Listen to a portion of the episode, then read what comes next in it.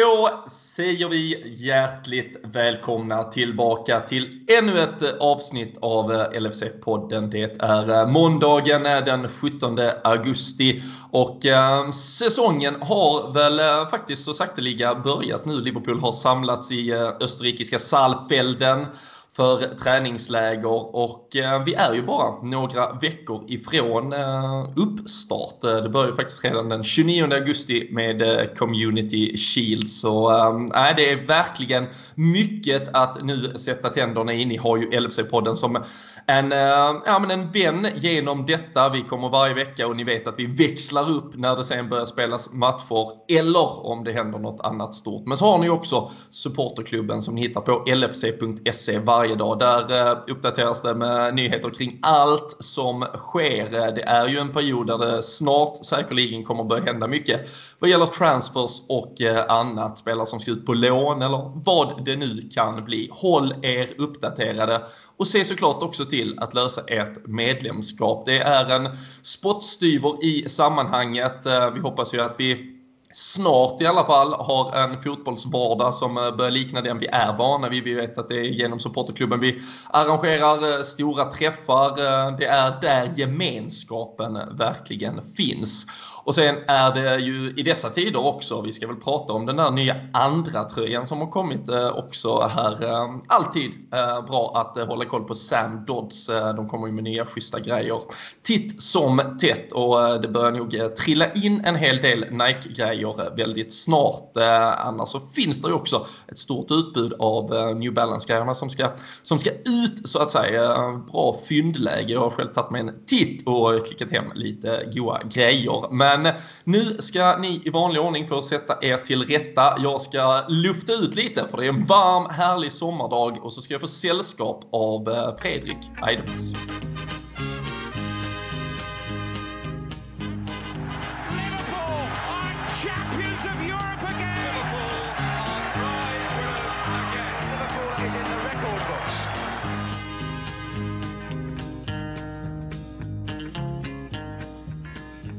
Jajamensan! Fredrik Eidefors, hur är läget uppe i Göteborgstrakten? Det är precis som du nämnde här i introt, varmt så in i bomben. Eh, till och med så varmt att blekvisen Fredrik brände sig igår och när han var ute och badade för första gången under sommaren. Det skäms jag lite att säga, men jag har gjort det i alla fall. Det är väl det viktigaste. Du är, eh, här... Du är både röd i eh, hjärta och eh, färgton. Eh. Jag tänkte säga, jag har inte råd att köpa nya hemmatröjan så jag solar mig i röd istället. Jag tror det kanske var idén. Nej, men det, det är fantastiskt bra faktiskt och som sagt, det är inte allt för Nu vet att det var inte länge sedan säsongen slutade, men den har ju redan börjat och snart är den väl riktigt igång igen också. Så man sitter ju bara här och kollar in bilder på, från träningslägret och lite sånt där. Och så sitter man ju och undrar, hur, vad har du för koll på Saalfelden am Steinernen mer som är stadskommun i Salzburg? Vad har du på, vad heter borgmästaren? Vad heter borgmästaren? Jag vet inte. Kan, kan det vara Jocke Lundberg efter att uh, han var där i uh, december och såg oss uh, trycka dit Salzburg? Han och Niklas ja, det... Holmgren stod ju och skrek på torget så jag vet inte om de, ja. om de fick någon majoritet efter... Ja, det blev nog inte det till slut. Nej, det, det blev det inte. Men det skulle kunna vara i alla fall. Nej, men det, är, det är trevligt att de åker dit i alla fall och, och tränings det blir ju, normalt sett brukar vi sitta och prata om Marbella och alla de här grejerna de åker till. Men nu åkte de till eh, lite, lite andra ställen. Det får vi väl se som något positivt. Det brukar ju aldrig vara bra när de kommer hem från de här varma... Ja, just, Marbe just Marbella har ju en... Uh, nu var de visserligen även där inför uh, Champions League-finalen uh, 2019. Så det, det, det, det, betalar väl tillbaka lite av alla de där andra vinteruppehållen som, som ofta slutade i, eh, i lite pannkaka. Men eh, det ska ju sägas, det var ju länge var ju tanken att vara i Evian där, eh, där man har varit tidigare. Men som, som nämnt här och som såklart alla känner till så är det ju fortfarande en lite, lite annorlunda vardag vi måste förhålla oss till. Och det kom, ja, bara så sent som i förra veckan så kom det då nya karantänskrav för resande från Frankrike till England och eh, den eh, situationen eh, ville man ju inte fastna i. Eh, nu får vi väl hoppas att de har stämt av där med utrikesministeriet eller eh, vilka det nu kan vara att Österrike hålls, hålls borta från den kartan ett tag. Men det verkar ju också som att man kanske tar en lite lugnare approach. Det är i alla fall de uppgifterna som kommer ifrån lägret. Att eh, normalt brukar ju Klopp och hans eh, fysteam liksom verkligen bygga eh, kropparna nu. Det ska tränas ner i stort sett för att sen liksom kunna växla upp det. Men eh, på många sätt en väldigt annorlunda sensommar och eh, ja, på så sätt förkrympt eh, försäsong. Ja, precis. Nej, men det, är, det är ju verkligen en speciell situation just med att det blir så tajt in på och det finns ju ja, nu kommer vi väl nämna dem snart också gissar jag under det här avsnittet, men det finns ju andra lag i ligan som kommer få eh, liksom avslut, som precis avslutat sina, sina säsonger och som ska liksom börja sin försäsong nästan direkt. Och det, det blir då, visserligen kommer de väl få börja spela lite senare, men ändå, det blir inte så tajt på så det, det blir helt klart annorlunda. Men det är ju också lite kul att se några spelare som, som man inte sett på länge i, i de röda tröjan så att säga, som, som är med där dessutom och några som har lite att bevisa. Så att det, det känns som att eh, Klopp har eh, bra förutsättningar att kunna göra det bästa av, eh, av allting, skulle jag säga i alla fall. Mm. Ja, du, eh, du slänger upp eh, ett par, tre bollar eh, här som jag kan smasha in på om man ska gå på de där spelarna som kanske ligger lite i limbo kring sin framtid. Men det känns ju ändå så här. Måndag morgon efter att både Manchester City och Manchester United har åkt ur sina Europa-äventyr så måste man ju börja där. Det Känns nästan jobbigt att det dröjde typ fem minuter innan jag fick börja prata om det. Men eh, Pep Guardiola, eh, de sa han eh, kanske övertänkte återigen en sån här situation. Och så Ole Gunnar, han undertänkte och lyckades inte med någonting som, som han brukar. Men tack och hej till Manchester. man har ju sällan haft en bättre fotbollshelg utan att Liverpool har spelat. Ja, det kan man lugnt säga. Och jag, om, man, om man får se med lite skadeglädje då, som man såklart får göra, så, så är det väl egentligen mest det här med, om man tar City då som spelade först, den tycker jag väl ändå är den, var den roligaste att kolla på, för den är ju verkligen så här att Går man tillbaka de senaste åren som Manchester City har spelat i Champions League så pratar man ju inför den här att ja, nu blir det inget dubbelmöte för det är oftast på bortaplan som de kanske tappar det och har gjort det i, i diverse matcher här och eh, framförallt då mot Liverpool men eh, även mot, mot Monaco för några år sedan. Och det är... Ja, nu när de hade en match som de... De har ju varit så fantastiskt spelat bra som sagt eh, och de borde ju liksom fortsätta med det men eh, jag vet inte vad han sysslar med Pep när han går in och ändrar om på det sättet han gör för att hade han spelat i vanliga spelet så hade vi haft en större chans. Det är ju så känslan är i alla fall men och blandar man in då United som ja, hade de inte kommit fyra då som sagt så hade jag ju varit, varit ännu bättre för då hade de ju definitivt missat eh, möjligheten att ta sig till Champions League i alla fall. Ja, tre hamnade väl till slut men fått Champions League-plats i alla fall då. Eh, för hade de vunnit, eh, inte hamnat där och sen vunnit Europa League, då vet vi vad det hade inneburit. Så att eh, City får väl säga det man skrattar mest åt. Det tycker jag i alla fall. Mm.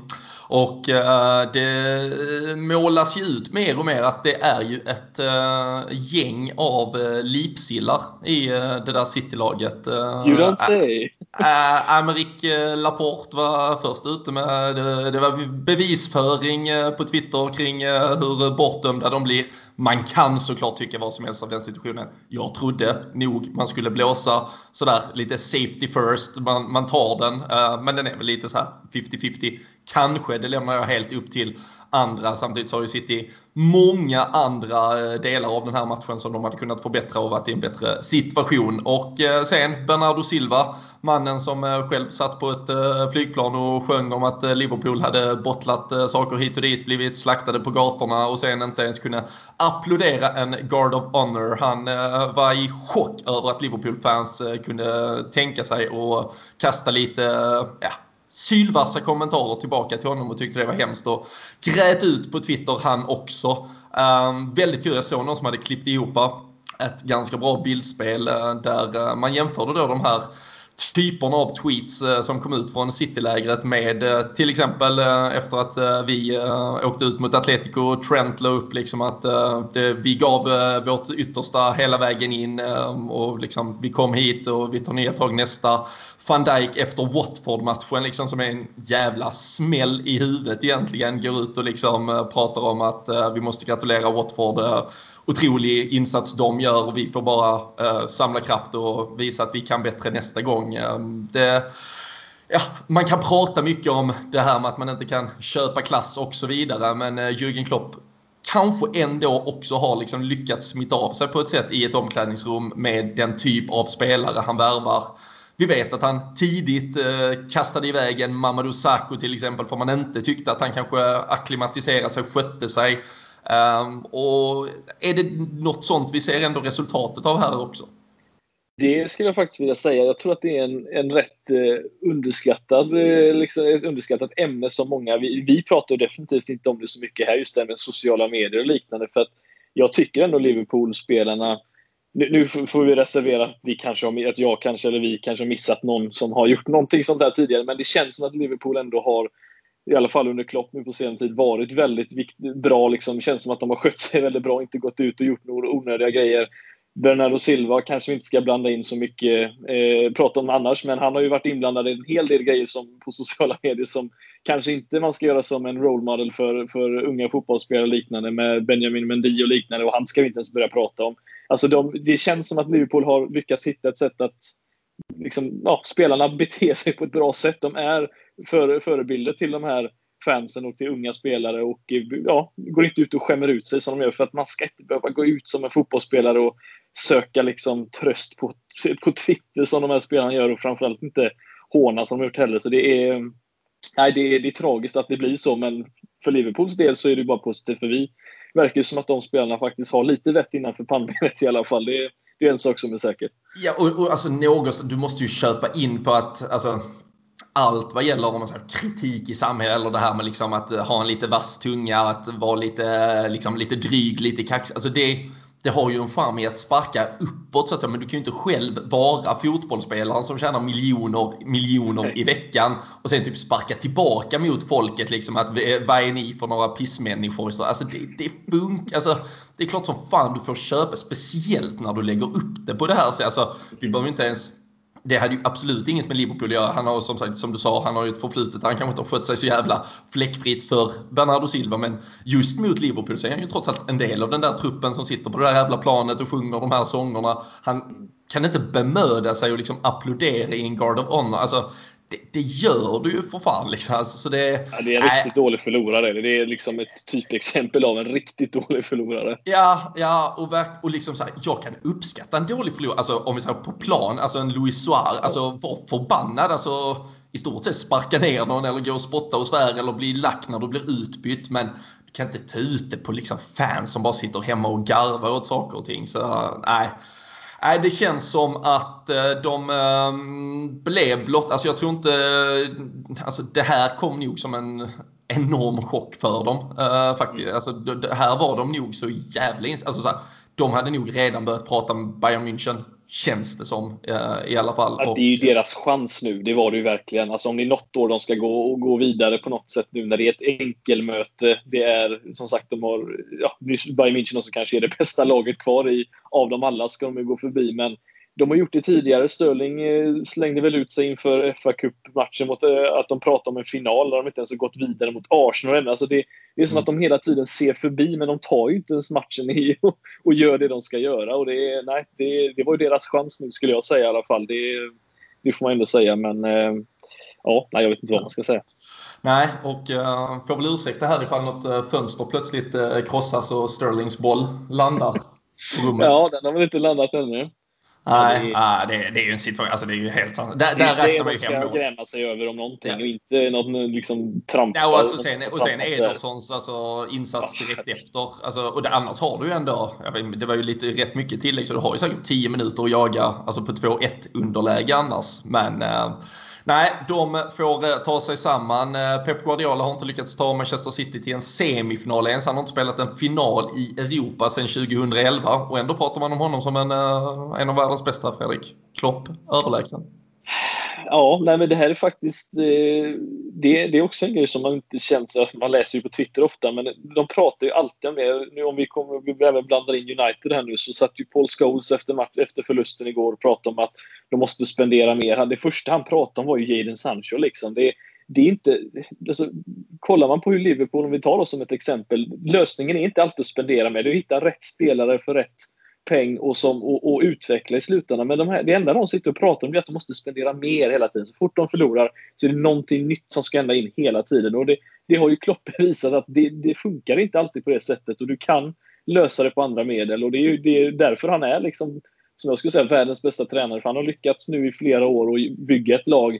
Även om vi har köpt in dyra spelare så har vi kombinerat det med en Robertson för 8 miljoner pund. Och liksom det, ja, det är ju så man vill att en klubb ska drivas framåt och det är ju så en tränare man bevisar att det är världens bästa tränare för man lyckas på, på fler än ett plan och inte bara köpa sig till framgång. Men eh, inte ens det lyckas de göra i Europa och då, då, ja, då har man inte så mycket att komma med längre. Nej, alltså om vi bara tittar lite, man kan bara titta på lite eh, siffror som är ganska eh, intressanta eh, vad gäller just det där med att eh, spendera. När, när eh, Klopp tog över Liverpool så eh, värderades truppen till eh, 328 miljoner. Allt är såklart i pund vi pratar om nu. Eh, när Pep tog, över City värderades den till 449. Pep har sen alltså spenderat 475 eh, miljoner. Klopp har spenderat 75. Eh, och ändå är trupperna idag eh, värda lika mycket. Då, de har fått rätt bra utväxling på drygt en halv miljard, eller en, ja, vad blir det? Ja, en halv miljard pund extra. Det, eh, det, det, det, det, det, siffrorna som du säger, vi har köpt i citationstecken en Van Dijk och har gjort alltså i, i pengar, om man får jämföra det liksom vad han har spenderat och det lyckats ta det så långt. Det är helt makalöst alltså, det måste vi säga. Vi har pratat om det, hur, hur, hur stor han är Klopp och vad han, hur mycket han betyder, men det pratas inte tillräckligt mycket i förhållande till de här stora tränarna. Hur jäkla lite han faktiskt ja, han köper mycket, men han säljer ju de här spelarna också som han har gjort med Coutinho exempelvis. Men det är ju en spelare liksom. Har, han har ju gjort det under några säsonger nu och nej, det är väldigt imponerande. Ja, nej, sannoliken. Och jag håller väl med dig. City-matchen där var ju eh, på något sätt, det kanske visar eh, alltså, maktförhållande och förändringarna. Att eh, City-matchen eh, på något sätt ändå var roligast eh, som Liverpool-supporter att se det förfallet. Eh, Manchester United eh, bekommer en inte jättemycket längre. Nej. De tog sig till en semifinal genom att få en straff mot FCK. De höll liv i semifinalen genom att få en straff 22 för säsongen. Och det gick ju faktiskt mer än, mer än ett år från den första till den sista straffen den här säsongen. ja, Bruno Fernandes kanske vinner skytteligan trots allt ifall det snittet ja. håller i sig vad är det, 61 matcher de har spelat den här säsongen va? 60-61 och så 22 straffar sammanlagt under en säsong. Det är helt galet. Alltså, 25, procent av alla deras mål är straffar. Alltså vart fjärde mål de gör är på straff. Ja, det är... Ja. Och sen ska ja. man ju faktiskt inte glömma att kolla vilka... Alltså att de pratas upp i samma nivå just nu när man kollar vilka lag de har mött för att komma till en semifinal i Europa League. Alltså jag, känner, jag tror en tredjedel av de lagen de mötte hade jag aldrig ens hört talas om tidigare. Nej, alltså gruppen och, var ju Astana och Alkmaar och något eh, ja. skit till. Sen är det alltså Brygge, Linz, Köpenhamn i slutspelet. För att jämföra med när vi till exempel hade Manchester United, Dortmund, Villarreal uh, när vi spelade i ja. Europa League. Så. Och Sevilla är ju faktorn här nu verkar det som, som, ja, som förstör för de engelska lagen. Det, ja, det, är, alltså, det är imponerande att de fortfarande, fortfarande håller på att leverera. de gör. Och de har, ja. än så länge har de faktiskt vunnit alla äh, fem före detta. Så um, kan gå mot en sjätte Europa League-titel. Men uh, det, det, får väl vara för någon annan podd uh, kanske. Ja. Att, och Suso var med och gjorde det. Ja, men det uppskattas såklart. Ja. Lite kul att uh, Sterling och Suso, det har ju varit, de kom ju fram uh, samtidigt, men uh, olika helger för båda två. Kan vi väl ja. lätt konstatera i, i alla fall. Sen eh, var det ju faktiskt eh, lite, eh, eller på många sätt numera, Liverpool-anknytning kring matchen på fredagskvällen också. Fredrik Bayern München mot Barcelona. Man, man börjar garva när man tittar här igen. Alltså 8-2, det, det är ju så sinnessjukt och eh, ja, matchen i sig lämnar vi väl eh, därhän. Eh, men eh, det mest komiska kanske var ju de uppgifterna som kom från Spanien. Nu har det varit lite eh, varierade uppgifter därefter. Men Filip Coutinho, som vi alla såklart känner till från Liverpool till Barcelona, deras största värvning någonsin lite liksom summering så kan man egentligen konstatera att han betalade för att Liverpool kunde värva van Dijk Allison. Van Dijk Allison högst bidragande i den största, kanske mäktigaste vändningen någonsin i fjol när vi då gör 4-0 på Barcelona, slår ut dem den gången nu i fredags eh, så kommer alltså Filip Coutinho in för motståndarlaget som redan förnedrar dem, eh, assisterar till 6-2, gör 7-2, gör 8-2 och eh, enligt de första uppgifterna där som kom då från Spanien så är dessutom alltså en bonus i den här övergången från Liverpool kopplad på 5 miljoner euro, alltså lite drygt 50 miljoner. Den är kopplad till om Coutinho vinner Champions League, inte om han ens gör det med Barcelona. Så ja, ödets ironi har väl aldrig varit tydligare i så fall. Nej, det är... jag vet inte, det är, det är så mycket som sagt med, med hela det här alltet med den matchen. Alltså det, de, jag vet inte hur man ska kunna förlora mot eh, när man är ett sånt storlag med 8-2. Så alltså, jag vet att United slog Arsenal någon gång. Det var ju många år sedan visserligen och det var ju inte Arsenals bästa lag kan vi säga. Men det här är alltså en Champions League-match där både Messi, Suarez och liksom, det, det är ju ett ordinarie lag mer eller mindre som kommer dit och blir totalt förnedrade av Bayern München. Och, nej, ja, de har ju blivit det tidigare visserligen, men det här var ju något alldeles extra. För det är en match vi pratar och det är... Ja, nej. Och sen, sen fanns det väl en till. Jag vet inte hur mycket det här stämde. Jag tror att det var... Jag läste om någon som heter Colin Miller som verkar vara någon... Eh, eh, skribenten liknande. Han pratar ju även om att Liverpool kanske ska få ytterligare pengar om Coutinho spelar 100 matcher för dessutom för Barcelona, vilket han troligtvis inte kommer göra. Han är på 76 nu, men mm. oavsett så är det ju just att här har vi ju vunnit den här, den här eh, transfern har vi vunnit långt tillbaka, men även nu igen om vi får ytterligare pengar för att troligtvis lär väl Bayern gå och vinna hela skiten nu också. Det, det, det, det är inte jättehöga eh, odds på det. Nej, alltså pratar vi, pratar vi det här med spenderade pengar och så vidare så alltså Barcelona hade tre offensiva spelare i form av Coutinho då till och med på motståndarbänken, sen Griezmann ja. och uh, Osman Dembélé för drygt 3,5 miljard sittande på bänken och, och såg uh, den här förnedringen. Det, sportcheferiet, eh, vi får väl eh, låsa in Michael Edwards i, något jävla eh, skottsäkert bås någonstans. Ingen kommer att jaga honom och vill fånga honom. Och känns som att det finns ett par klubbar som hade kunnat eh, behöva honom. Men nu kanske det är Edwards som ska förhandla kontrakt med Messi istället. Han skulle lämna. Ja, jag skulle säga det. det. Det känns väl som att få in honom på bänken bakom Salah. Det är väl det vi pratar eller? Ja, det är ju, kan konstatera i alla fall att uh, han har ju inte haft uh, enorm framgång i Europa. Han har väl visserligen en Champions League-titel sen uh, Pep lämnade. och vi pratar ju om Peps svaga statistik i Europa. Men tillsammans där i slutet av ja, runt 08 till 11 var det så tog de ju ja. två titlar tillsammans. Så vi får väl se var eventuellt den föreningen sker, om den sker. Man, man kan ju säga mycket om City, man kan säga mycket om uh, Messi, allt möjligt. Men det hade ändå varit kittlande att se honom i Premier League. Det kan Det hade det varit. Men det, jag tror inte han går till Premier League, va? Tror Nej, jag vet inte. Är det PSG? Eller stannar han? Ja, jag, jag, tänker spontant att Juventus är en sån klubb när Ronaldo lämnar, om han lämnar, som skulle kunna vara en sån som går in. istället. Ja. ja. precis. Eller så går han till Argentina. Han kanske är trött på skiten nu. Han är tillbaka. Ja, han, han ser fan inte munter ut när han spelar fotboll längre i alla fall. Nej, det, det han, han, är fortfarande bäst i världen, men eh, det skulle jag väl säga att eh, Nej, det, han har haft bättre, bättre säsonger, det kan man ju säga. Typ 2011 när han gjorde 73 mål på en, ett kalenderår. Något sånt där. Det, det, det är inte okay. fy det är okej. Det är eh, det sannoliken. Men eh, med ännu mer eh, Liverpool-anknytning och med spända ögon och vi kan väl bara konstatera det är nog inte jättemånga som sitter och följer Bundesliga vecka in vecka ut och speciellt när nu ryktena verkligen har tagit fart kring Thiago så kändes det som att de som eventuellt inte var frälsta, de blev väl det där under fredagskvällen. Vi vet att han har ett år kvar på kontraktet med Bayern München, men eh, han eh, uppges ju verkligen vilja till Liverpool enligt, eh, ja, numera flera, det har framförallt varit Bildt och Christian Falk i, i spetsen med god insyn i Bayern-lägret som har rapporterat det tidigare. Men det kom också från franska medier nu, Mohamed Bouhafsi, bland annat den som ja, han breakade väl Fabinho eh, när det begav sig. Det var visserligen väldigt eh, rappa puckar men vi vet ju att eh, ja, Merseyside Media var ju inte alls med på den i alla fall. Och han kommunicerar nu att ett fyraårskontrakt mellan Liverpool och Thiago det är så gott som spikat. Pratas om att han redan har sagt till sina lagkamrater att han kommer lämna. Har till och med hittat hus på Merseyside pratas det om.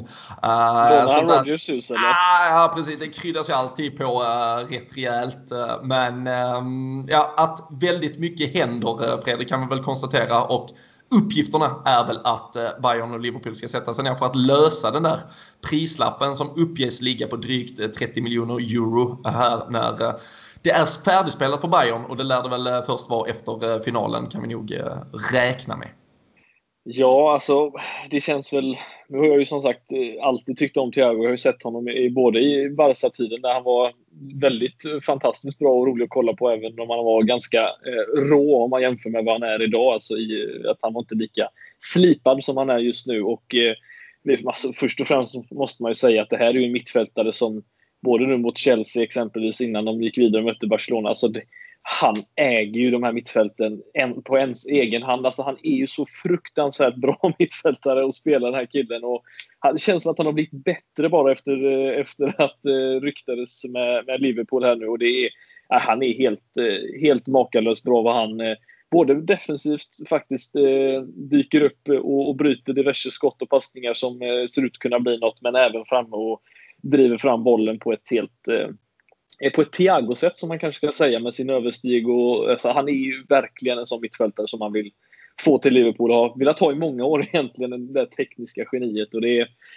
det är väl just det som du sa där med, med värderingen kanske då att ja, 30 miljoner, ja 300 miljoner kronor ungefär om man säger det då och så ska han ha en lön på vad? 180-200 000 pund i veckan det blir ju rätt mycket pengar om man ser eh, för en 29-åring så sett. Men jag tycker vi ska sluta prata hela tiden om det här med åldern, att man måste vara 22-23 för att komma till Liverpool och, och, växa in i det. Alltså, vi behöver lite världsklasspelare i sin peak med tanke på att vi har spelare som är i sin peak också i, i de flesta i ryggraden egentligen. Och, nej, ja, vi bara köra tycker jag. För ska vi vänta ett år till? Det, det nej, men det är Bayern ja, alltså... visste om de pengarna heller. Så det kanske går någon annanstans istället. Som med Werner exempelvis. Ja, men precis. Alltså det, det är ju flera eh, dimensioner i dem. Alltså för det första som du säger, det här med att prata ålder. Det tror jag, alltså, vi vet att Klopp har ett kontrakt på fyra år till. Eh, de flesta i liksom, eh, kärnan i truppen nu är ju trots allt 28-29 och Thiago skulle komma in i samma, samma åldersspann där. Sen vet vi att det absolut finns ett par spelare lite yngre som sannoliken har framtiden för sig. Men alltså, vi kan ju liksom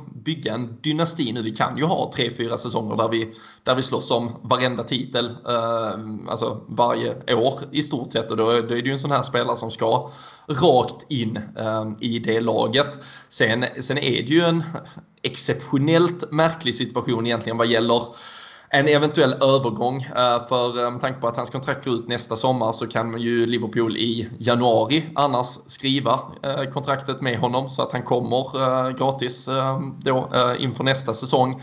Och det här transferfönstret vet vi ju, det kommer ju vara öppet till 5 oktober är ju det internationella. Det är väl inte helt fastställt vad gäller alla. Men det kan ju eventuellt vara att man alltså kan förhandla i drygt två månader till inför detta. Då är det alltså bara två, tre månader kvar till att vi kan signa upp honom gratis. Så det måste ju såklart mötas någonstans på mitten. Ja. Och jag vet, jag pratade om, om det tidigare också. Det, där måste ju Liverpool bara försäkra sig om Alltså, vad har vi för förhandlingspositioner? Är Thiago stenhård med att jag kommer till er gratis annars?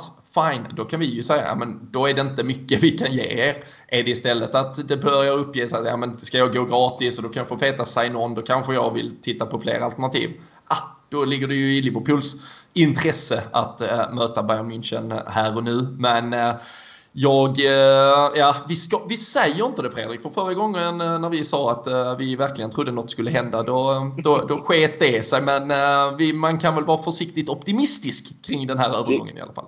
Det kan vi vara. Vi har, eh, vi har gjort bort oss tidigare kan vi säga, men det är eh, helt okej okay och man har ju varit väldigt het på gröten då. Man, man vill ju så gärna att eh, vissa diverse spelare ska ska bli röda så att säga. Men det här är ju, det här är ju som sagt en väldigt speciell situation för att det är det är ju så pass, en så pass fantastisk fotbollsspelare, en av de bästa i världen på sin position. Och, ja, jag, jag, tror ju helt klart att Liverpool och Bayern kommer komma överens. Men samtidigt får man ju inte glömma av att Bayern är ju en, det är ju inget, liksom, det är ingen skitklubb direkt och ingen liten klubb. Som de, har ju, de har ju makten liksom, så att kunna göra lite hur de vill. Det känns inte som man spelar dem över eh, bordet direkt, utan man, det känns ju lite som att de har allt i sina egna händer på något sätt och att de, de får göra lite som de vill, så får man bara anpassa sig lite. Men vi kanske ska se, vi får se hur bra Liverpool är, hur attraktiva vi är, hur stora, stor maktfaktor vi har på marknaden nu då när vi ska försöka hämta in honom. För att eh, 30, alltså jag tycker fortfarande att det är mycket med tanke på att vi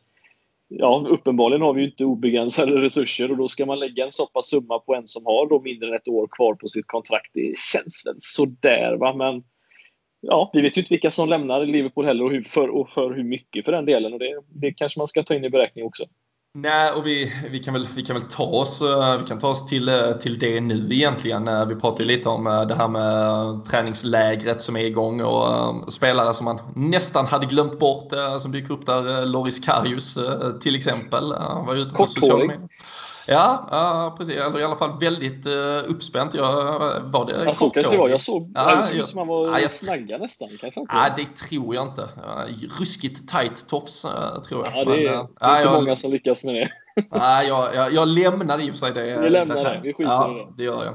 Uh, vi har en uh, Harry Wilson uh, som kommer tillbaka från lånet i Bournemouth. En uh, Rian Brewster som kommer tillbaka från Swansea. vi har ju vissa som är i truppen men som såklart vill bevisa. En Shakiri som fick väldigt mycket förstört av skador eh, förra säsongen. Eh, och även eh, Marko Grujic. Och ehm, där har vi ju en mittfältare vars såklart position i laget skulle försvåras ytterligare om, om en Thiago kommer in. Han har spenderat två säsonger på lån i Hertha Berlin. Och de uppges beredda att vilja köpa honom. Och då det blir ju ändå en märklig för där har vi en, en, en yngre spelare, han har ett längre kontrakt, han är ju absolut inte bra nog men man kommer nästan kunna få samma pengar, eh, alltså vi får ju inte 30 miljoner, men alltså, låt säga att vi får 15 miljoner eh, pund för, för honom.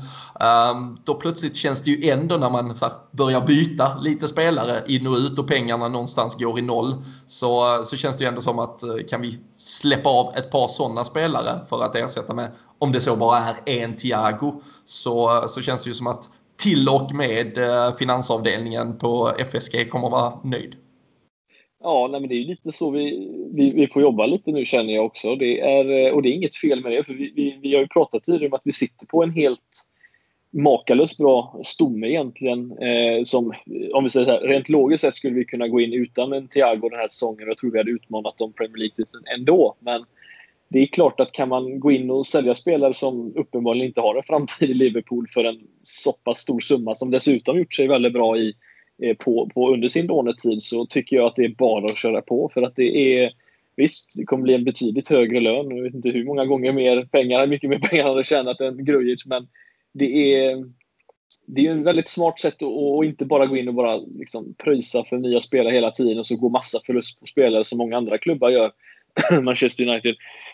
Men eh, det är, eh, ja, det känns som att det är ett nytt sätt att, eller ett bra sätt att jobba på helt enkelt. Och det känns som Liverpool mår bra ändå, alltså efter omständigheterna. Det känns som att vi kan i lugn och ro ändå jobba med de här, eh, den här truppen och se om vi kan få in en, en toppspelare samtidigt som andra lämnar. För att det, är, det finns nog en hel del spelare vi kan få rätt mycket för faktiskt. För det, även om det är dessa tider vi är nu. Mm. Det, det, är ju ja, väldigt mycket som är, är oklart bara med de här drygt eh, fyra veckorna av, av försäsong som uh, återstår innan ligan drar igång igen. Och sen som sagt redan om två veckor så kommer en Community Shield-match uh, mot Arsenal. än så länge inget kommunicerat kring träningsmatcher och så vidare. Men om vi tar lite de här namnen jag nämnde. Är det någon du har ändå någon förhoppning eh, på eller eh, känns det som att eh, de är där för att de har ett kontrakt som ska liksom, ja, ändå respekteras men att deras framtid är någon annanstans? Alltså, man, man börjar ju fundera lite på en sån som exempelvis Shakiri som eh, har haft... Ja, jag trodde ju faktiskt inte att han skulle vara skadad så mycket som han var när han kom till Liverpool. Det, jag vet inte vad din känsla var när han kom till Liverpool, om han upplevde att han var skadad ofta när han spelade i andra klubbar, typ Stoke och, och liknande. Men nu har han, jag vet inte hur många matcher han har missat och är snarare kanske hur många spel han faktiskt har, eller matcher han har spelat för att han har inte varit tillgänglig särskilt mycket. I alla fall inte den här säsongen och det är Ja, nej, där man börjar ju fundera lite på en sån spelare som, han kommer ju aldrig vara en startspelare, han kommer bara komma in och det är frågan hur många spelare kommer vi kunna ha där bak. Minamino är en exempel som kommer ju stanna definitivt nu och då är frågan hur det ser ut för Shakiri. Och är han mittfältare? Är han yttermittfältare? Vad är han? Eh, kommer Thiago in? Var ska han spela? Kommer han få ens vara mittfältare då heller? Det är, det är många frågor, men Shakiri är en sån spelare som jag tror Ja, jag vet inte tusan om han eh, har så mycket kvar i Liverpool att ge. Det kommer inte bli lätt för honom i alla fall. Nej, och ska en, alltså ska en Thiago in så känns det ju som att alltså mittfältet eh, cementeras ju kanske än mer med både ja. Fabinho, Jordan Henderson och Thiago som alla någonstans kommer vara opetbara och då måste man väl kanske ja, formar om en, eller formar om en uh, Oxlade Chamberlain till exempel som, som har kunnat vara det där alternativet ibland på mer. Han kommer ju ännu längre ifrån en plats där. Uh, då kanske man förväntar att han istället lasta, avlastar lite i, i den offensiven. Uh, Minamino som du nämner som nu är inne i det. Jag tror väl mest kanske på en, en Rian Brewster i så fall. Uh, att mm. han är, är kvar som ja, den där jokern som Divock Origi var när han dansade en, eh, en, en vår eh, och vinter i stort sett. Men eh, och sen så som sagt en Harry Wilson också och där blir det ju också det här med att vi har redan sett en del Lovren som har lämnat och Simikas kom in. Det blev, blev ju klart bara någon timme efter förra podden men vi pratar mycket om honom. Vi behöver nog inte gå in så djupt här. En Lalana som har lämnat där man kanske ser en Curtis Jones som ersätter i tro. Alltså om vi pratar även den här lönekostnaden så är det också ett par seniorspelare som vi kan och redan har bantat av för att uh, gå någonstans i i ett eh, plus minus noll-läge. Men jag känner väl att eh, Karius eh, lär på något sätt försvinna. Jag tror Marko Grujic blir såld och så tror jag nog att Shadan Shakiri lämnar. Om du får gissa på övriga spelare. Är det resten stannar eller ser vi någon mer som tackar för sig? Det känns nog ganska rimligt faktiskt det du säger. Eh, det jag tänker på just målvaktspositionen där, alltså Karius lämnar absolut. Jag, han, han han ska, han, jag tror det är för svårt för honom att ta sig tillbaka i Liverpool även om han inte kommer ta över Adrian eh, eller Alisson så känns det ändå som att eh, det, det, är ett skrivet, ett avslutat kapitel på något sätt. Men eh, hur ser det ut? Adrian har väl ett, har han ett år kvar? Ska de på ett tvåårskontrakt med honom? Eller? Mm. Ja, eller stannar han väl ett år till i alla fall då. Eh, nej, det, det, stämmer nog det du säger. Jag tror det är något i den stilen. Eh, annars mm. tror jag det är ganska intakt. Om inte någonting jätte eh, stort händer såklart. Om inte Messi kommer, då kanske Harry Wilson får sticka. då får han, ja, då får han, ja, då får han ge plats. Ja, Wilson precis. Ja. ja men Harry Wilson är ju alltid, han är alltid sommarens mest in, intressanta. Så får vi, får vi se vad som händer. Ja, han gjorde väl Han var väl med försäsongen förra året va? Och gjorde ja. väl rätt bra ifrån sig, vill jag minnas. Ja, men han har ju gjort det de, alltså, i flera försäsonger känns det ju som. Och alltid ja, varit så här. Alltså... Det kändes som att han var lite närmare förra året. Mm. Det kändes som att han faktiskt, han gjorde väl några eh, Eh, några poäng under de matcherna vi spelade kändes eh, väldigt eh, klart intressant. Men det är väl det att sättet vi spelar fotboll, eh, om man säger så, med, med alltså ytteranfallarna, de ska gärna vara sådana som sticker in bakom backlinjen. Då får man gärna ha lite lite, lite speed i benen och, och, Harry Wilson för mig är inte den typen av spelare. som Han känns ju mer som en, liksom en playmaker slash ja, frisparksspecialist på det sättet än den här liksom jättevassa yttern i slutändan. Så att, eh, nej, vi får se om han fortsätter eh, få kanske liten gnutta hopp om att få vara kvar i Liverpool. Men ja, och sen är det ju... Det finns alltså, några kronor där också. Ja, men precis. Och problem, alltså hans stora problem, där då kanske ja, men mer spelare som man säger Oxlade, Minamino, alltså de är ju trots allt flexibla och konkurrerar på, på flera positioner. Man kan lite formera om det, men alltså att vara en ytterspringare eller en ytterplaymaker i ett lag som redan har Sadio Mané och Mohamed Salah. Vi vet att de vilar ju inte. Alltså Sadio Mané var ju, han var nästan döende efter förra sommaren och gick ändå in och spelade efter att han hade vilat 45 minuter mot Norwich i stort sett. Så det, alltså, chanserna ges ju inte såvida inte någon skadar sig. Och då är det lite sådär, jaha, om vi behöver starta honom i 23 matcher, ja då kommer vi ju ändå inte vara bra nog. Så äh, det är, den, den situationen är svår just vad gäller att vara ett alternativ på, ehm, på någon av ytterpositionerna känns det som. Ifall man inte har mer i sitt register i alla fall. Ja, nej precis. Nej, men det, det, blir väl de spelarna som jag tror kanske har svårast och några av dem som du nämnde kommer nog lämna. Och det, men det väl, känns väl på något sätt ganska väntat. Det, nej, men så, så är det nog. Och äh, vi får väl äh, passa på och äh, också nämna, vi pratar ju om den nya hemmatröjan här mm. för en vecka sedan. Men det har ju även blivit officiellt hur vi kommer att se ut när vi ska som man säger i Norge, ut på tur. Och eh, det blev eh, mer, kan det bli mer eh, ramaskri? Jag vet inte. Men det var sannoliken blandade reaktioner i alla fall. Men jag vet att du är en av dem som ja, speglar dig i glansen från den där nästan havsliknande tröjan. Ja, jag tycker den är fruktansvärt snygg. Jag, den kommer jag... Eh, jag har inte beställt. Den kommer jag ha. Den, det kan jag säga redan nu. Och frågan är om inte jag kommer se bättre ut i den än jag kommer göra i den röda tröjan. Men jag kommer behöva ha två, båda två. Så är det ju bara.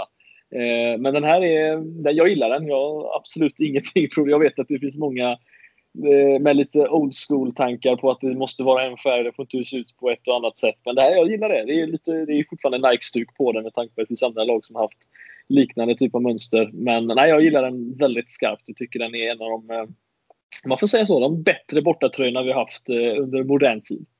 Ja, den, ligger ju, den konkurrerar precis med den eh, lila Warrior-tröjan med Tribal. Eh, den gillar jag inte.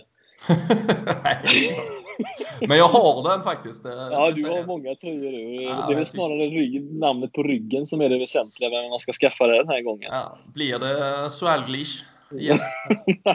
Nej, det får bli eh, Van Klopp får det nog bli. Ja, Van Klopp. Fina, fina ja. Van Kloppen.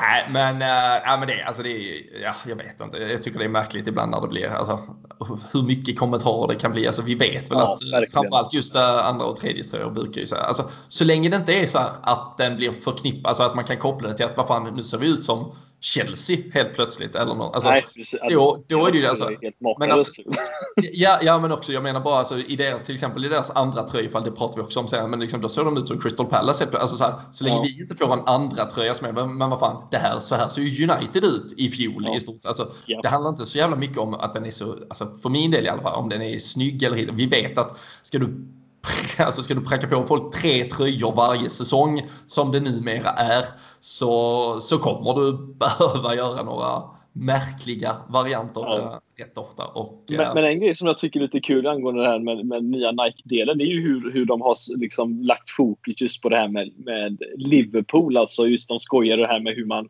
hur, hur uttalas det? De gjorde ju även en reklamfilm här just att det inte är Nike utan det är Nike.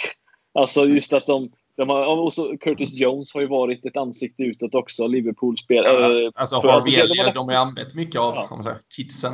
På så sätt. Ja, nej, men eh, det känns som att det, det har varit, varit ett lyckat... Och nu var frågan det som är kvar för Liverpool att göra som jag vet att PSG gjorde och fick ju deras tröjförsäljning att totalt flyga liksom upp i luften. Det är ju det här med Air Jordan, alltså hur de skulle kunna göra ett samarbete även där med tanke på hur det har gått för PSG. För det är också en grej som, alltså det här, jag vet inte om Nike har med tanke på den strukturen de har lagt upp detta till skillnad från New Balance då, alltså en procent, hur var det nu, en procentuell mm.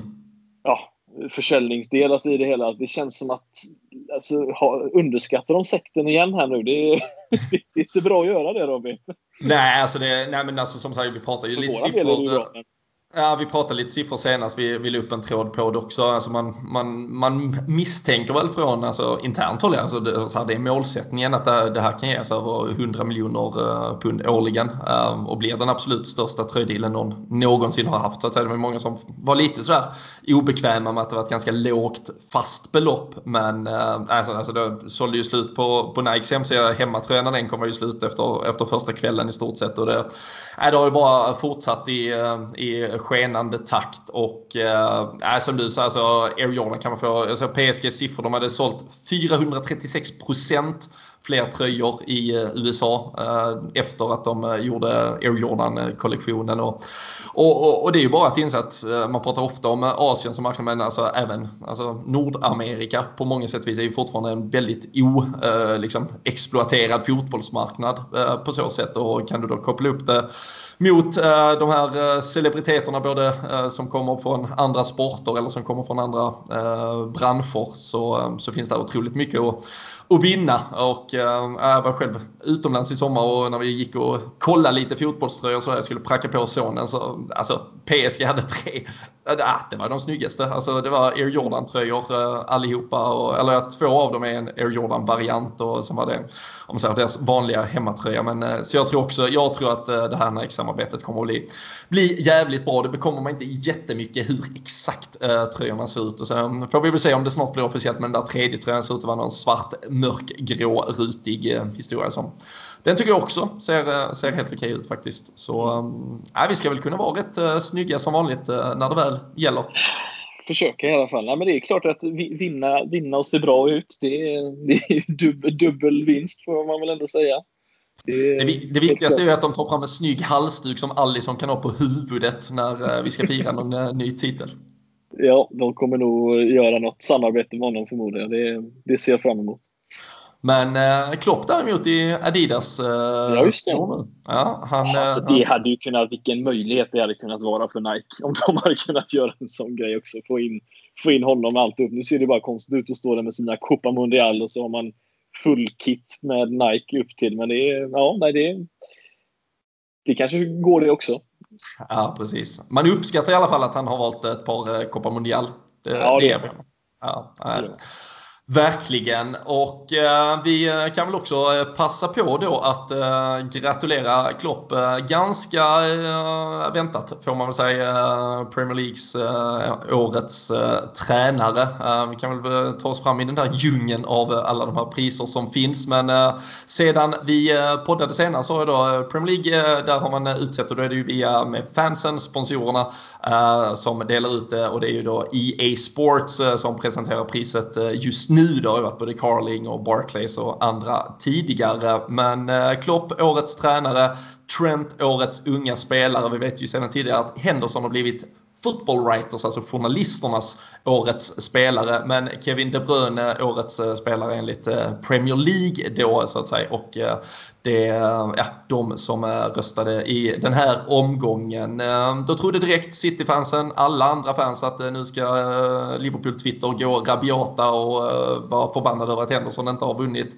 Istället så tror jag jag såg varenda Liverpool-konto jag följde som gratulerade De Bruyne och bara konstaterade att ja, han har ju varit bäst så det är helt fine.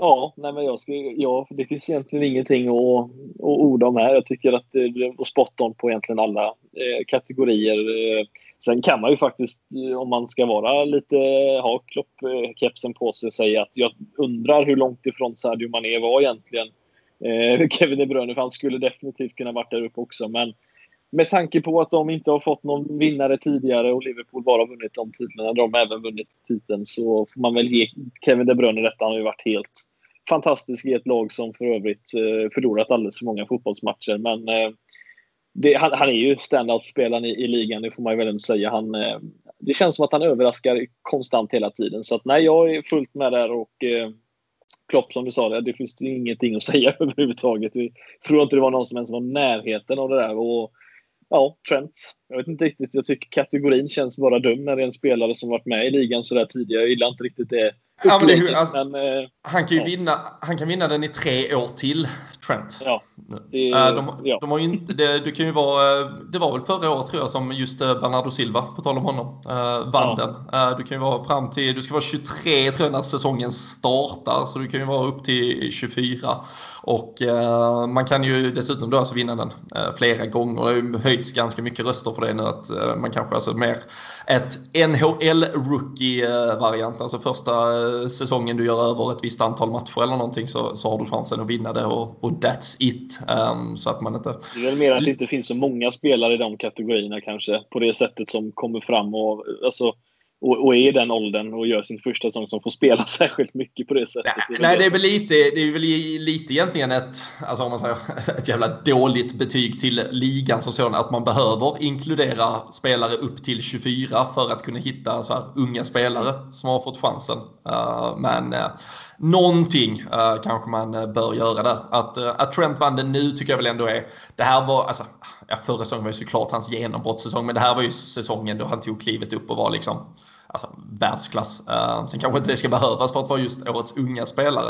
Uh, han lär ju konkurrera om uh, att vara den absolut bästa av alla, om han inte redan gjorde det nu, men kommer ju verkligen göra det framöver. Och, och sen tycker jag som du säger, alltså, det här med att vara kanske stand-out-spelaren i laget som kommer tvåa. Vi har ju sett de två senaste säsongerna så är det ju Salah och van Dijk som har vunnit de här priserna. Då har vi konkurrerat precis där, där bakom, eller ja, ett par steg bakom den när Salah vann, men då, då gör ju han liksom en säsong. Och, Helt makalöst. Ja, och det är väl kanske också, alltså, samtidigt för folk har pratat om det då, uh, som att så här, eh, fan vad det har varit orättvist att Liverpool-spelare har vunnit när, när City har vunnit. Och jag satt och tänkte på det i sammanhanget igår då när De Bruyne nu vinner. Men samtidigt är det ju ofta, alltså det signifikativa för ett vinnande lag är ju ofta att det är jävligt många som har varit bra. Alltså vi såg ju också, det var ju Mané, det var Henderson, eh, det var van Dijk, alltså väldigt många var ju nominerade eller så här liksom också i ja, i tankarna när man pratar om vem som var bäst i Liverpool. Vi har ju suttit här och inte kunnat bestämma vem som var bäst ens. Och, och då faller det ju lite på det att ja, men det var ju kanske laget bara som var bäst. Men ska vi hitta den där individuella spetsen då kanske den ligger i ett lag precis där bakom. Och sen var det någon som skrev till mig och kommenterade det här med att ja, men Henderson han kanske ändå borde få, alltså han har ju varit så viktig i ett så vinnande lag. Ja men faktiskt med all respekt, tänk hur jävla viktig Kevin De Bruyne har varit för ett lag som ändå kommer 18 poäng efter oss. Alltså utan honom får man ju faktiskt vara lite ärlig och säga att då hade City kanske varit ett par, fem, sju poäng ytterligare bakom oss antagligen. Mm. Och då hade det ju varit alltså, slakt på alla sätt och vis. Ja, nej verkligen. Så att eh, Spelare som gör väldigt unika grejer i, oavsett var de egentligen hamnar, ska ju bli belönade för det. Och jag tycker ändå att han har blivit det rätt. Jag tyckte van Dijk och Salah blev det rättvist också. Så att, eh, det, folk, eh, folk ska vissa människor ska inte ha så mycket åsikter kan man väl säga. Helt sådana här grejer. Men eh, här tycker jag att de, det, jag tycker det har blivit korrekt egentligen varenda år. Sen har De Bruyne varit eh, rätt nära de andra säsongerna. De har vunnit också för den delen. Men då har van Dijk och Salah faktiskt varit... Eh, då har de gjort någonting ännu mer imponerande båda två. Så att, eh, mm. Tre år i rad har blivit korrekt kan man väl säga va? Ja, nej, men det, det, tycker jag också. Jag tycker också som sagt att alla de här priserna som nu har delats ut, alltså de här tre från Premier League uh, har varit helt korrekta. För där tycker jag det är liksom, då är det verkligen bäst, bästa spelaren eller bästa tränaren. Uh, då är det liksom inget eh, annat som ska vägas in. Sen tycker jag när man tittar på liksom, säga, statuterna för den här, uh, alltså fotbollsjournalisternas pris kring Jordan Henderson så tycker jag det är en helhets bild som någonstans premieras och, och, vad han har gjort och där tycker jag man kan väga in det här med att du har lyft hela ditt lag, du har liksom betytt något mer än bara det fotbollsmässiga kanske. Helt rätt. Ehm, och sen så väntar ju egentligen de som jag tror av spelarna anses vara de två största priserna. Alltså det är ju alltså PFA, alltså spelarfackets, alltså spelarorganisationens egna priser. Det är ju de som brukar vara de stora. Vi har sett eh, bilden när van Dijk står och liksom, eh, ja, lyfter det som om det vore en eh, pinnglass i stort sett, det här stora jävla priset. Men, äh, men PFA Player of the Year och äh, då unga spelare som, som utses av ja, kollegorna så att säga. Och då, då, där är ju heller inte så här, du får rösta vad du vill. Alltså, folk vill ofta bestämma det här med att ja, men var inte han bäst? Alltså, nu blir det ju upp till kollegorna och då får ju de väga in vad de, vad de tycker. Um, än så länge är det ju faktiskt bara Luis Suarez eh, 13-14 och eh, Mohamed Salah där eh, för två år sedan som har vunnit alla de här tre då priserna, alltså fotbollsjournalisternas, spelarnas och Premier Leagues pris. Då har det verkligen varit enhetligt. Men eh, vem, eh, vem tror du? Blir det någon av Henderson och De Bruyne eller blir det någon utomstående så att säga som tar det sista priset? Nej, jag, jag tror nog fortfarande De Bruyne kommer att ta hem den. Det, det, det tror jag. Eh, jag tror väl egentligen att det är väl som när, när det var snack om att Sterling skulle vinna den eh, när han röstade på Kane som inte alls var bra och Van Dijk röstade på Sterling som hade varit väldigt bra. Det, det är väldigt mycket liksom snack om hur huruvida det de, hur de drar in det också, att ibland är det sin, sin landsman och liknande. Men eh, nej, jag tror att, jag tror att De Bruyne kommer att vinna den för han har eh, i, både i stormatcher men eh, framförallt, han har ju varit outstanding i, under hela säsongen trots att hans lag har varit sådär bra. Men nej, De Bruyne kommer nog vinna den tror jag. Ja, vem tror du att Bernardo Silva röstar på? Van Bissaka.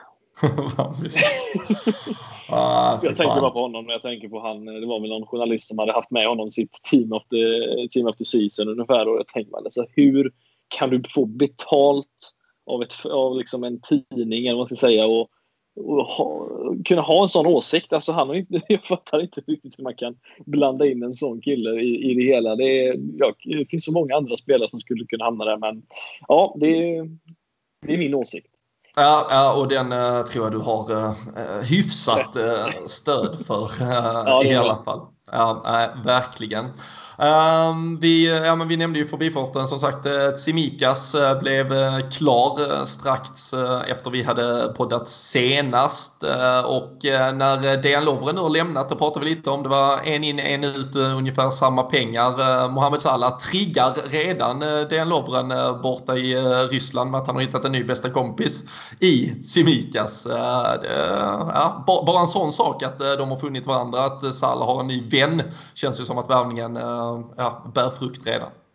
Ja, men det, det behövs. Alltså man vet, alltså, nu är det klart att Lovren inte är anledningen till att Salah har blivit, gjort alla de målen för Liverpool, men det är klart att eh, har man, hittar man någon som man kan umgås med under de här tiden när du inte hela tiden umgås med familj och liknande så, så underlättar det ju såklart och gör det ju mycket roligare. Så det, det är bra att han hittat den. Det, det var ju så man började tänka när Suarez skulle lämna. Hej, hur ska det bli med de andra ja, som portugis, spansktalande. Eh, men det blev ju bra till slut. Ja, inte direkt, men senare i alla fall får vi väl säga. Eh, ändå, så att eh, det, man ska nog inte underskatta att Salah har en ny vän. Det, det tror jag bara är bra för hans, hans skull. Har du eh, själv någon eh, liten eh, kommentar kring Tsimikas värvningen av honom? känns det Liverpool-kompatibelt i övrigt? Ja, men det, det, det, gör det. Han är, alltså, kollar man på, återigen, man ska inte bara kolla YouTube-klipp och liknande, men man kan få en, en ganska bra hum om att kolla lite olika highlights från olika matcher för att se hur man agerar i, i, i olika delar av spelet. Och om man tar den offensiva delen där Robertson eh, har, verkligen har fått ett lyft sen han liksom kom till Liverpool, så sätt så, så märker man att just det där drivet att, att kunna ta maxlöpningar, inte bara en utan flera stycken, det har han ju i sig. Han är väldigt bra på att glida förbi sina motståndare i, i fart, både med boll och utan boll faktiskt, även om han inte är liksom Adama Traoré snabb som han för övrigt eh, höll ganska bra när de möttes i, eh, i Europa League. Men nej, det, jag, jag, jag ser inget negativt alls. Jättebra spelare som jag tror kan, kan lära sig också. Det är väl det här med att han har ibland sett försvarsmässigt ut i de matcherna jag sett. Jag ska inte säga Moreno-varning på det, men det är, det är lite, lite plottrigt ibland i försvarsspelet. Det är mycket in med fötter och istället för att eh, vara säker på sin sak som Robertson kanske har blivit bättre på också. Så det, det är lite kvar att lära såklart. Men jag är jättepositiv till att vi har fått in en ny vänsterback som kan axla manteln lite i alla fall för Robertson. Eh, vi såg ju när han var borta, eller när han var som sämst kanske man ska säga efter att vi vann ligan så så eh, var det inte så mycket att sätta där, men det är skönt att ha en, en ordinarie, eller en riktig vänsterback att kunna plocka in i alla fall.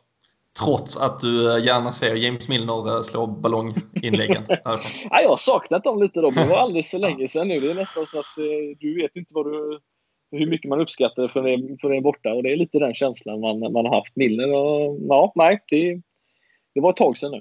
Ja, nej, men, det, nej, men det, det, visar väl på, på var vi kanske har ytterligare tagit eh, steg och är, är ytterligare ett par nivåer upp när vi kan eh, ja, men börja fylla på truppen med, med den här typen av eh, spelare. Det känns, känns på väldigt många sätt och vis som en väldigt, väldigt klok värvning.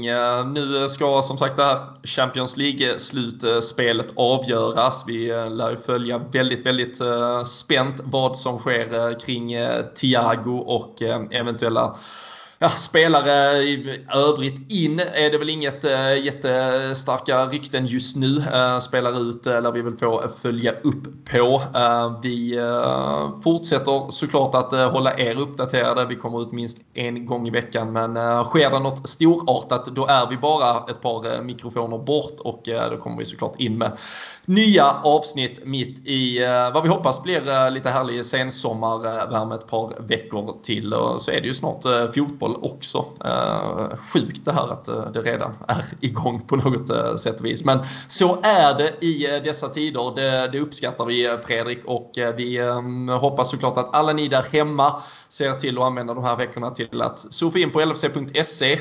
Dagligen bör man väl göra det för att hålla sig uppdaterad och sen bör ni också klicka er fram till att bli medlemmar så att ni stärker den svenska supporterklubben. Sen vill vi ju verkligen passa på att nämna att att eh, svenska fans eh, just nu eh, tar emot nomineringar till Guldskölden. Det är ju ett pris man delar ut i flera kategorier till eh, de man tycker gör eh, det bra vad gäller eh, ja, sportjournalistiken på olika sätt. Och de har en kategori som heter Årets Sportpodd där vi vid två tillfällen för har varit fram i så att säga, finalen kommit fyra och femma men vi hoppas väl att vi minst ska kunna vara med i final i år igen och utmana de stora giganterna. Tutu Balutto har ju gått starkt men jag kan ju tänka mig att en Erik Niva-podd kommer att få en hel del röster detta året också. Men eh, LFC-podden vill jättegärna vara med där. Det finns en länk eh, på eh, både Facebook och Twitter så ni kan ta er dit. Så ja, fyller ni ert namn, vill ni rösta i fler kategorier gör ni det. Men på årets sportpodd så är det LFC-podden som gäller. Har du varit inne och röstat Fredrik? Åh ja. Underbart. Du, eh, du tömmer uh, vänner och bekantas uh, datorer, ja, telefoner, allting. Ja, be, be dem gör, jag, gör, jag gör tjänster för dem och så får de betala tillbaka med att rösta på oss i slutändan. Så att, sen är det klart att de som lyssnar är ännu bättre om de om de gör det också så att säga, så blir vi ännu fler. Men det, vi uppskattar som sagt allt, all, all hjälp vi kan få. För vi, vi tycker det är bara kul att göra detta. Så att det, och det är inte säkert, det är inte säkert att alla lyssnare vill ha eh, gentjänsterna du erbjuder Fredrik eller? Det, det, det, det vill de. Det, vill de. Ja, det, det låter bra det. Men nej, surfa in på Svenska fans, sök upp Guldskölden så blir vi superglada ifall ni vill eh, nominera oss. Eh, vi är tillbaka ja, snart igen antagligen. När ni minst anar det, ta hand om er till dess så hörs vi snart igen.